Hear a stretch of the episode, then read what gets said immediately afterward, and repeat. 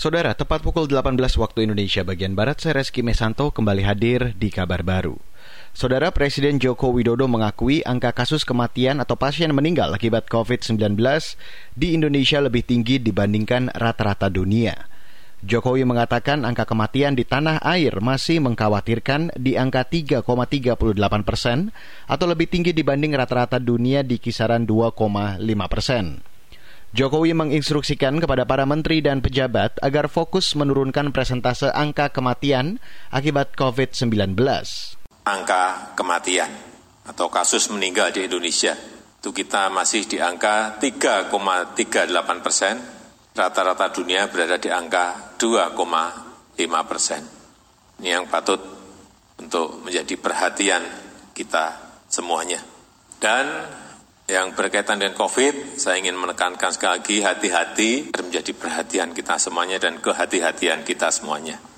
Presiden Jokowi turut mengklaim bahwa kasus aktif COVID-19 di Indonesia sudah jauh lebih rendah dari rata-rata kasus aktif di dunia.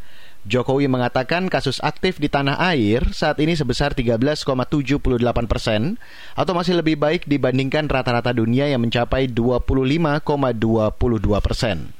Kita beralih ke informasi selanjutnya, Saudara kelompok buruh bertemu perwakilan Mahkamah Konstitusi atau MK di sela unjuk rasa menolak Undang-Undang Cipta Kerja. Kalangan buruh yang diwakili Presiden Konfederasi Serikat Pekerja Indonesia atau KSPI Said Iqbal dan Presiden Konfederasi Serikat Pekerja Seluruh Indonesia atau KSPSI Andi Gani bertemu dengan Sekretaris Jenderal MK Guntur Hamzah di gedung MK. Kawan-kawan, saya bersama Presiden KSPI Said Iqbal tadi bertemu dengan Sekretaris Jenderal Mahkamah Konstitusi. Kita menegaskan MK jangan main-main dengan gugatan buruh. Setuju? Setuju. Siap mengawal setiap sidang? Siap. Sementara itu, Presiden KSPI Said Iqbal meminta Hakim MK bersikap adil dalam memutus permohonan uji materi Undang-Undang Cipta Kerja yang akan diajukan nanti. Buruh mengancam akan memberi perlawanan jika putusan Hakim MK mencederai rakyat. Hari ini, kalangan buruh dari KSPI dan KSPSI menggelar unjuk rasa menolak Omnibus Law di Jakarta. Mereka mengklaim menggelar aksi serentak di 24 provinsi lain. Kita ke Amerika Serikat, saudara, sekitar 90 juta warga Amerika Serikat sudah melakukan pencoblosan suara dalam pemilu presiden 2020. Jumlah pemungutan suara awal yang masif menunjukkan tingginya antusiasme warga AS untuk memberikan suara tahun ini meski terkendala pandemi virus corona.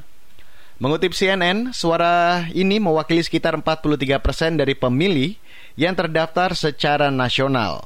Jumlah pemungutan suara awal berlangsung di tengah pandemi. Ini menyebabkan banyak negara bagian memperpanjang periode pemungutan suara awal mereka atau memperluas akses ke pemungutan suara melalui pos. Para pemilih di beberapa negara bagian telah melewati antrian panjang dan menunggu berjam-jam untuk memberikan suara mereka secara langsung. Demikian kabar baru KBR saya Reski Mesanto.